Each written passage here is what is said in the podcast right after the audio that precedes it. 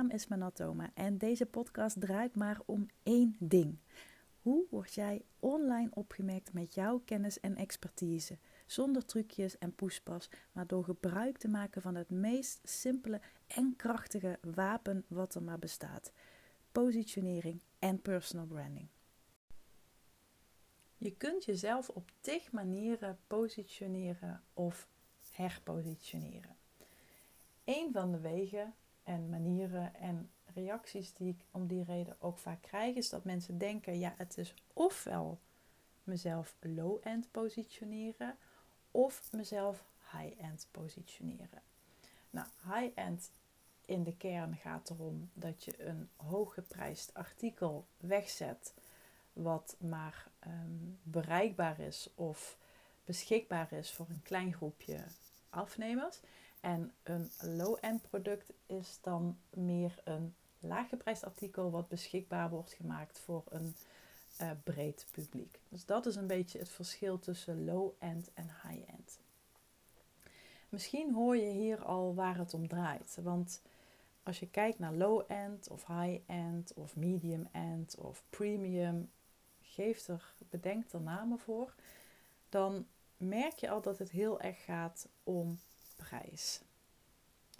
En als je jezelf gaat positioneren en herpositioneren, moet prijs nooit de, de, de, de, de leidende factor zijn of de bepalende factor.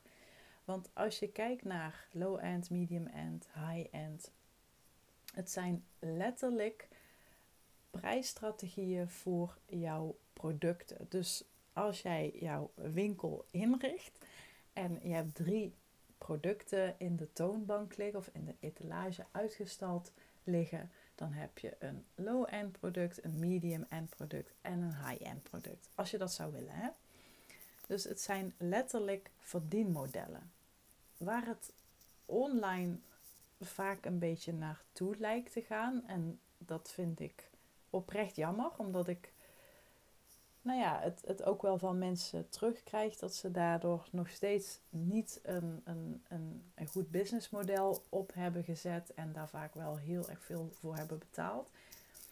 Door ja, eigenlijk alleen maar te leren hoe ze een hooggeprijsd verdienmodel ontwikkelen en opzetten. En daar is natuurlijk niks mis mee. Ik zal jezelf ook altijd aanraden om een hoger geprijsd product te ontwikkelen. Logisch ook. Want dat is vaak een product wat gericht is op de allerbeste klant. Dus de klanten met een hè, meer eh, financiële draagkracht. Maar ook klanten die snel kunnen implementeren, die feitelijk al bijna bij de finish zijn. En dan geef jij ze nog even de laatste zet en dan zijn ze wereldkampioen. Dat idee. Maar je pakt daarmee nou natuurlijk ook de meeste marge. Hè? Logisch. Maar aan de andere kant, als je je puur en alleen daarop focust, waar het dus online ja, helaas een beetje naartoe gaat her en der. En ja, ik, ik zeg niet dat dat verkeerd is, want hè, als het je heel veel oplevert en je verdient er gewoon heel erg goed mee, ja, wie ben ik? Waar ik gewoon heel waakzaam voor ben, en dat is ook gewoon puur door mijn gezondheid, waar ik tegenaan loop, weet ik dat als ik alleen dat doe, dan maakt me dat uiterst kwetsbaar. Dus ik ben heel bewust bezig met ja, hoe kan ik mijn winkel dusdanig optimaliseren dat het ja, future-proof is en ook bulletproof. En dat ik daarop kan bouwen en vertrouwen als het ook een keer wat minder met me gaat. Dus als jij degene bent die letterlijk het kunstje komt doen, dan gaat het natuurlijk altijd goed. Totdat je tegenslag gaat ervaren. En dan kun je high-end zijn of low-end zijn, maar dan, dan val je gewoon om. Weet je, dan heb je gewoon niks om op terug te vallen. Helemaal niks. En dat bepaalt natuurlijk uiteindelijk hoe sterk een businessmodel is.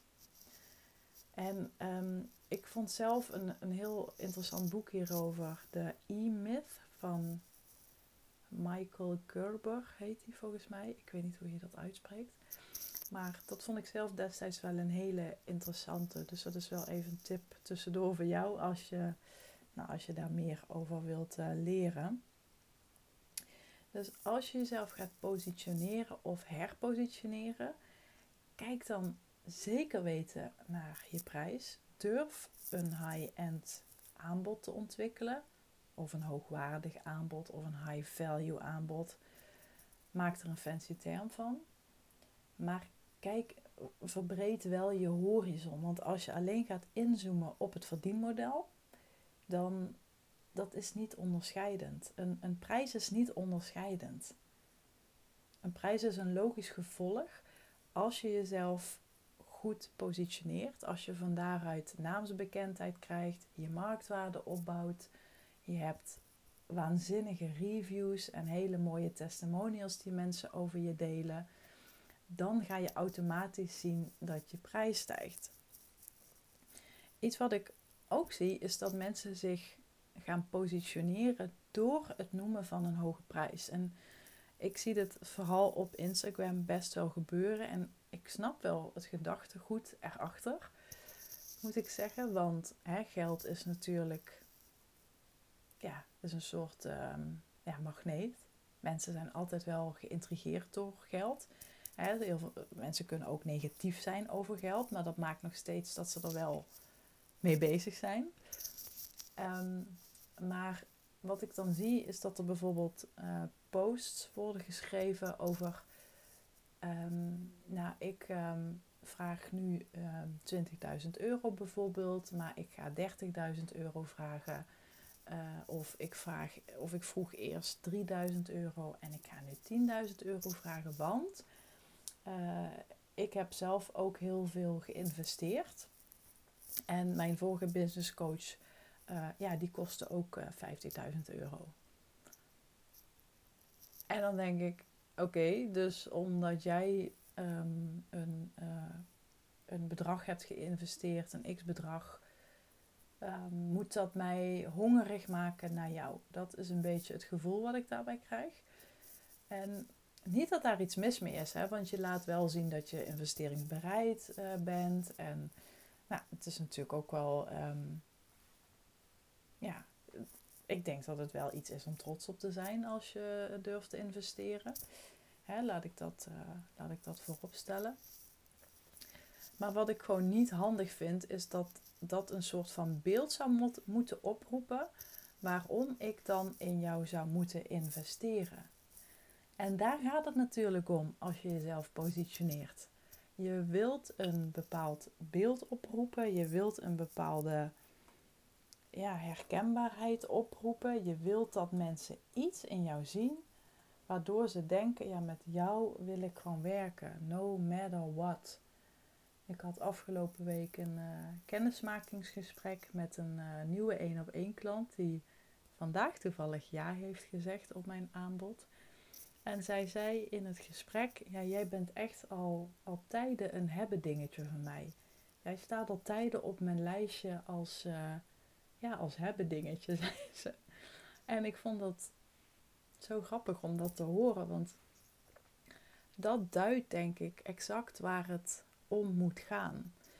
Dat hè, of je nu een, een, een, een, persoon bent die kennis verkoopt, of je bent een automerk, of je bent een handtas, of je bent een, uh, um, ja, weet ik veel, een hondenuitlaatservice, of je bent een computermerk. Het maakt niet zo heel veel uit. Maar als mensen jou zien als hebben dingetje, als dit moet ik gewoon hebben, koste wat het kost, dan is daar iets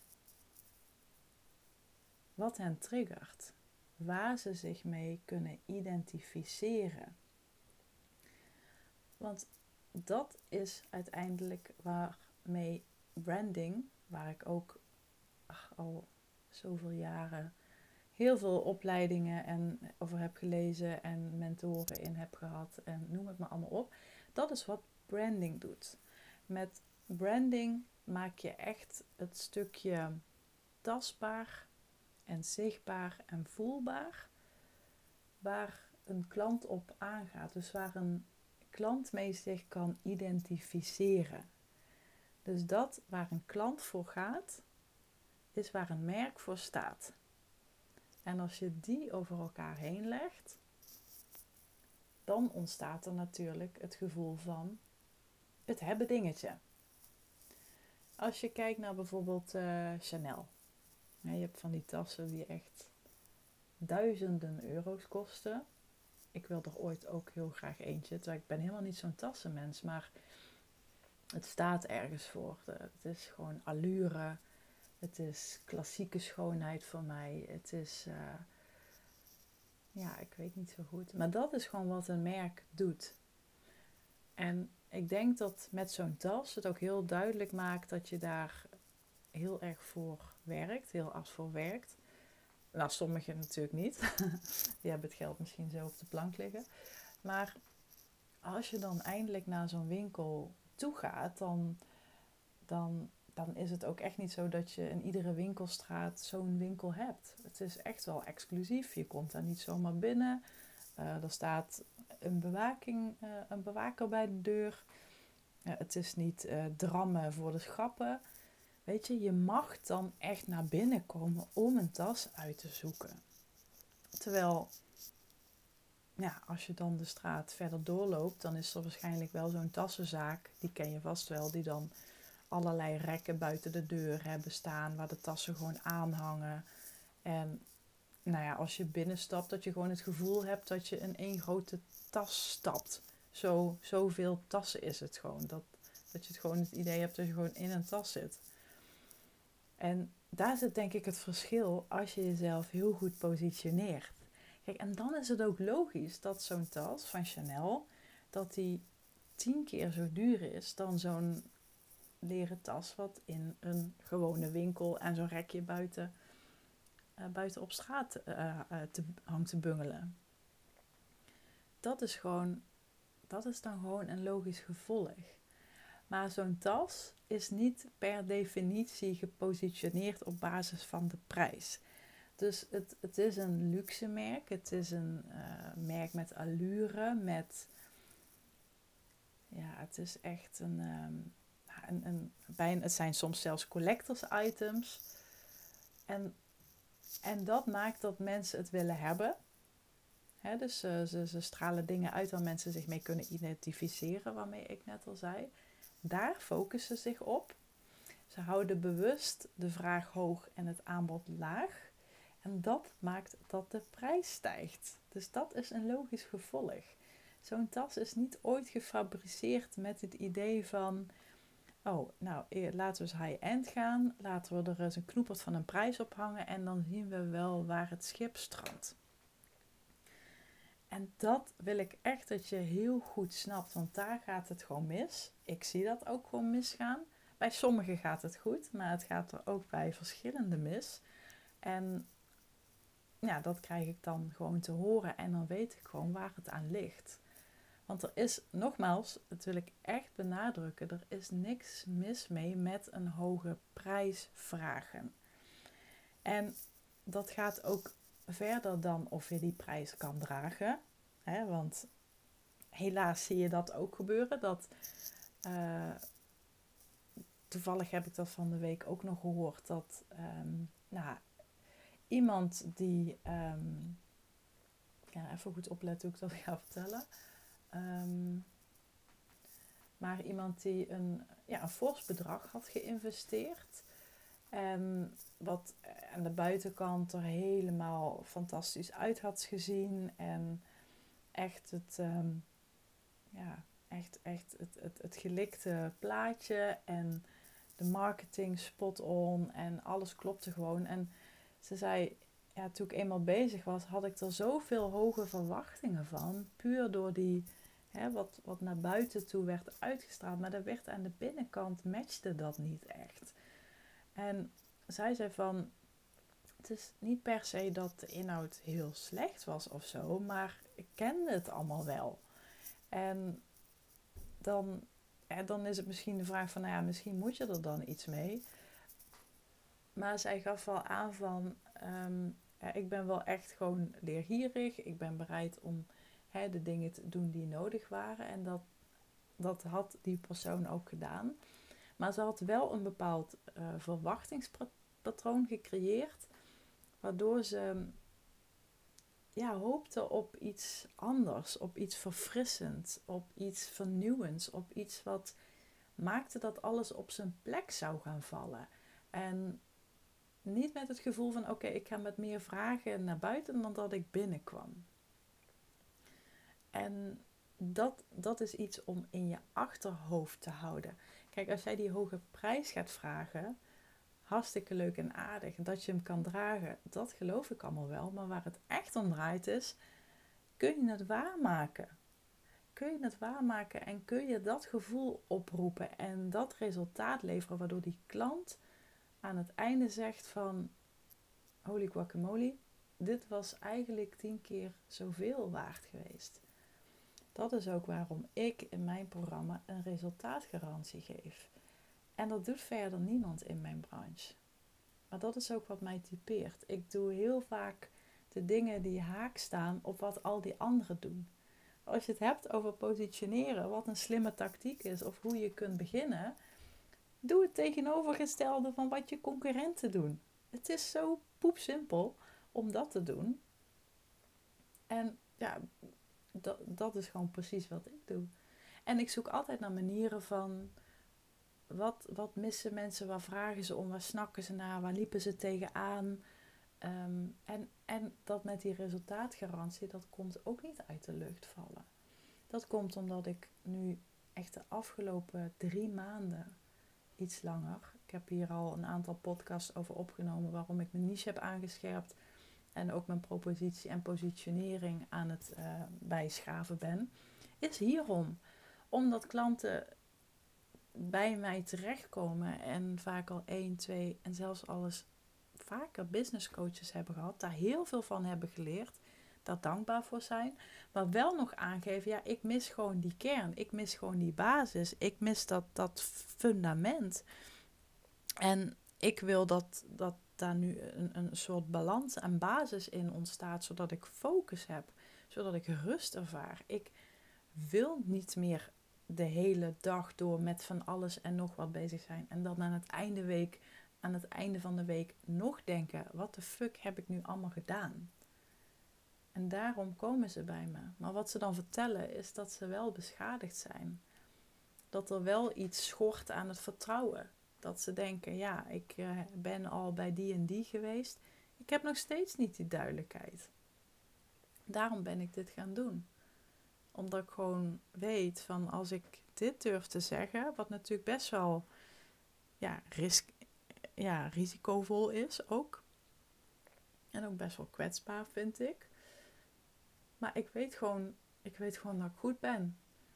En ik ben er zelf ook klaar mee om, om me in de, in, in de coulissen te schuilen. Daar ben ik echt klaar mee. En ik zeg het je hier nu in deze podcast. podcast ik uh, doe dat niet meer. Ik, ik, ik krijg zo vaak te horen dat mensen mij zo ontzettend dankbaar zijn. Dat ze het gevoel hebben dat eindelijk alles rond en kloppend is. Dat ze een future-proof business hebben die bulletproof is ook. Waar ze tussen haakjes de rest van hun leven ja, op kunnen bouwen en vertrouwen. En dat, dat heeft gewoon gemaakt dat ik dit durf te zeggen. En als je het dan dus hebt over ja, het onderwerp van deze podcast, jezelf positioneren of herpositioneren, dat je tal van wegen en manieren en middelen daarvoor hebt. Je weet dus nu dat prijs slechts een onderdeeltje daarvan is. Het mag nooit de allesbepalende factor zijn. Het is een logisch gevolg van. Maar zorg dat je het kunt onderbouwen. Zorg dat je levert. Zorg dat je dingen kunt, snapt, doet die anderen niet kunnen. En dat stuwt de prijs omhoog. Dus als je bijvoorbeeld gespecialiseerd bent in, ehm, ja, laten we eens even wat noemen. Um, ja, salesstrategieën of zo. Ik roep maar even iets. Wat zou je dan nog kunnen toevoegen waardoor mensen denken: hmm, ja, er zijn heel veel salesstrategen, heel veel salescoaches. Maar deze doet dit. Dat vind ik wel heel erg interessant. En daar wil je voor zorgen. daar wil je voor zorgen. Juist die combinatie van smaken maakt jou interessant. En daardoor misschien ook minder interessant voor anderen, maar dat is ook prima. Dus als je jezelf gaat positioneren of herpositioneren, ga dan daar eens naar kijken. Wees inderdaad kritisch op die prijs. Durf die hoge prijs te vragen. Durf een high-end aanbod te creëren. Maar kijk wel alsjeblieft even verder dan dat. Want als dat het stuk is waar jij je op gaat positioneren, dan, dan, zul je nooit, dan zul je nooit de bovenkant van de markt bereiken. Nooit. Want morgen gaat iemand anders weer een hogere prijs vragen. Of morgen gaat iemand anders nog goedkoper zijn. Het is een never-ending story. Dus als jij jezelf bovenaan de markt wil vestigen en je naam wilt laten gelden, die marktwaarde wilt opbouwen, die leading expert zijn, om het zo maar even op zijn eh, fancy Engels te zeggen, dan zul je andere zaken moeten benoemen en arceren en accentueren. Waardoor mensen denken, ja, ik snap wel dat zij een hogere prijs vraagt. Ik snap dat. Net zoals met een Chanel tas. Weet je, daar weet je al als je zo'n winkel binnenstapt, dan weet je al, nou, met 1000 euro kom je daar niet heel ver. Weet je, dat, dat, dat, dat weet je gewoon. Of als je een, um, weet ik veel, een, uh, ja, ik weet Dyson is ook zo'n merk. Weet je, want je hebt die, die duurdere merken, die exclusievere merken, die, die merken met naamsbekendheid, met marktwaarde, uh, merken met liefhebbers. Die heb je in die heb je in alle prijscategorieën. Die heb je ook in alle markten en in alle hoeken. Dyson is natuurlijk zo'n merk wat stofzuigers maakt. En feuns en steltangen en dat soort spul. En dan denk je, ja, wie gaat er nou een stofzuiger kopen die, um, ik weet even niet hoeveel die kost, maar ik weet dat een föhn volgens mij 500 euro kost. Dus laten we even de föhn als voorbeeld gebruiken. Hè? Wie koopt nou een föhn van 500 euro? in alle eerlijkheid, ik laat mijn haren altijd gewoon zo in de wind omdrogen. maar ik ben dan ook niet per se hun klant. Ik ken een aantal mensen die wel zo'n föhn hebben en die, die zweren daarbij. Het is een stukje comfort, uh, je haar beschadigt minder. Nou, allemaal zaken waar zij op inzetten. En waar zo iemand ook heel erg gevoelig is, waar ze zich mee kunnen identificeren. Dus dat is de crux.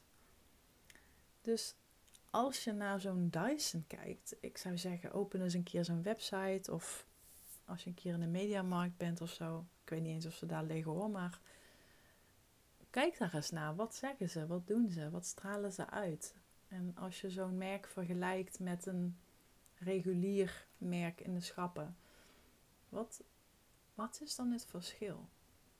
En dat verschil, dat is waar mensen voor betalen. Dus ze kopen het product, een föhn, maar ze betalen voor het verschil. Ik hoop dat je dat kan pakken wat ik zeg, want dat is echt dat is zo belangrijk om dat te snappen en dat is, dat is zo waardevol als je dat weet. Want als je dat weet, kun je daar ook je teksten op aanpassen, kun je daar je, je boodschap op aanpassen en dan ga je vliegen. Want dan weet je, mensen bij een strot te pakken. Nou, eigenlijk moet ik net netjes zeggen in hun hart te raken. Maar goed, je kent mij. Ik druk me af en toe een beetje lomp uit. Maar dat is wel waar het om gaat. En dan merk je, prijs is irrelevant. Want die mensen die zo'n Dyson Fun kopen, die weten al lang dat die niet vijf tientjes kost. Al lang. En zo'n merk maakt zich daar echt niet druk om. Zo'n Chanel tas, of het merk Chanel, maak zich echt niet druk dat jij het te duur vindt. Want 95% van de mensen vindt dat merk te duur. Dus dat, dat boeit ze niet. Ze focussen zich op die enkeling, op die liefhebber, op die fan. Voor hen is prijs irrelevant. Ze focussen zich op Ze concentreren zich op de waarden waarmee ze zich kunnen identificeren. Dus waar de klant voor gaat, is waar het merk voor staat.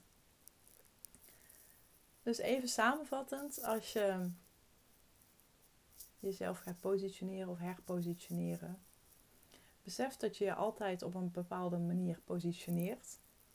Vaak heb je dat zelf nog niet eens door. Kijk verder dan de prijs. want je prijs is slechts een onderdeel van het complete plaatje. Een verdienmodel is een onderdeel van een businessmodel. Is niet een op zichzelf staand iets. Het moet allemaal kloppen in het grotere geheel. En ga eens nadenken over ja, wat, wat, ik, wat ik eigenlijk als voorbeeld gaf. Ik doe altijd compleet het tegenovergestelde van wat de meute doet. En dat maakt ook heel vaak dat ik een bepaalde toon zet. Ik zet toch een bepaalde norm. Ik weet ook als ik dingen ga zeggen, dan, dan, dan staat het binnen een maand staat het overal. En dat, dat vind ik alleen maar goed. Weet je, dat, dat is gewoon als je een. Ja, ik had er laatst een woord voor. Een digital disruptor bent. Dus iemand die een beetje durft te schudden aan de boom. Die een beetje de, de gebruikelijke denkwijze en het, het standaard gedachtegoed een beetje, ja, daar een beetje in durft te porren en te prikken. Dus durf dat ook te doen. Durf ook na te denken over, ja, wat is bij jou iets waar je, waar je aan irriteert? Wat is een frustratie van jou?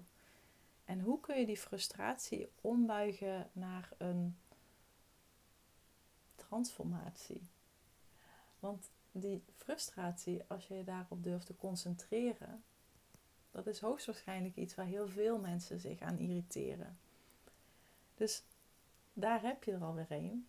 Je kunt je dus ook positioneren op frustraties. Dus het, het gaat er maar net om wat bij je past. Ik kan hier uren over lullen, maar het, het, het, het dadelijk denk ik een onsamenhangend geheel. En dat wil ik je besparen. maar als je hier goed mee aan de slag wil, dan moet je maar gewoon een gesprek met me boeken. En dan ehm, laat ik je alle hoeken van de kamer zien. Op een goede manier natuurlijk. Maar ja, hier valt zoveel over te delen. Maar dit is wel echt waar het om gaat. Hè? Dit is die basis. En die basis vinden de meeste mensen niet sexy. En dat snap ik. Hè? Want we gaan liever ehm, hele mooie foto's maken voor onze Instagram. Of retreats organiseren. Of online programma's maken of passief inkomstenstromen opbouwen en funnels maken. En er is allemaal niets mis mee. Maar besef dat het kunstmatige middelen zijn. Ze werken pas als jij werkt. Ze, werken niet op zichzelf staan. Daarvoor is die basis nodig. Dat fundament. Daar vind je de rust. Dat creëert ruimte. Dat geeft focus. Dat zorgt voor balans. En die basis wordt belangrijker naarmate je groeit. Misschien is dat ook de reden dat er uh, steeds meer van die doorgewinterde ondernemers en senior kennisprofessionals bij me komen, zoals ik ze heel mooi ben gaan noemen. Ja, tot dusver deze podcast over uh, jezelf positioneren. Ik hoop dat het je inzichten heeft bezorgd en aha-momenten. Leuk als je me dat uh, laat weten. Dat kan uh, via Instagram trouwens, via um, LinkedIn. Ik vind het ook leuk als je een printscreen maakt van de podcast en deze deelt op Instagram Stories en mij tagt, dan kan ik jou ook weer reposten. Uh, vergeet je niet te abonneren op mijn kanaal. Als je deze aflevering waardevol vond, dan uh, krijg je automatisch een melding als ik weer een nieuwe aflevering heb. In principe twee keer per week. En mocht je interesse hebben om met mij samen te werken, zie je mij ook als een hebben dingetje. Kom dan even op de lijn, plannen we een gesprek in en dan spreek ik je heel snel. Ik wens je van nu een opmerkelijke dag en tot later. Bye bye.